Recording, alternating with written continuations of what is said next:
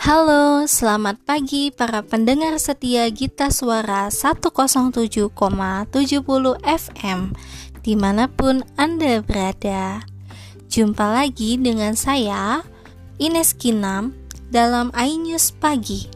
Sejumlah berita terhangat, unik, dan menarik telah kami siapkan untuk Anda pagi ini. Di antaranya, seorang mahasiswi di Mie University, Amy Haga, tengah menjadi perbincangan para warga.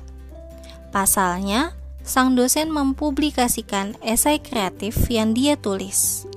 Menurut laporan BBC, esai tersebut ditulis oleh Haga dengan tinta tak kasat mata yang hanya bisa dibaca dengan teknik khusus. Dosen memberi tantangan untuk menulis esai tentang kunjungan ke Museum Ninja Igayuri. Sang dosen berpesan agar mahasiswa membuat tulisan sekreatif mungkin dan tulisan yang paling kreatif akan diganjar nilai tinggi. Amy Haga pun sebagai penggemar ninja bertekad untuk membuat esai lain dari yang lain, yaitu dengan merendam kedelai semalaman baru bisa dibaca setelah kertas dipanaskan.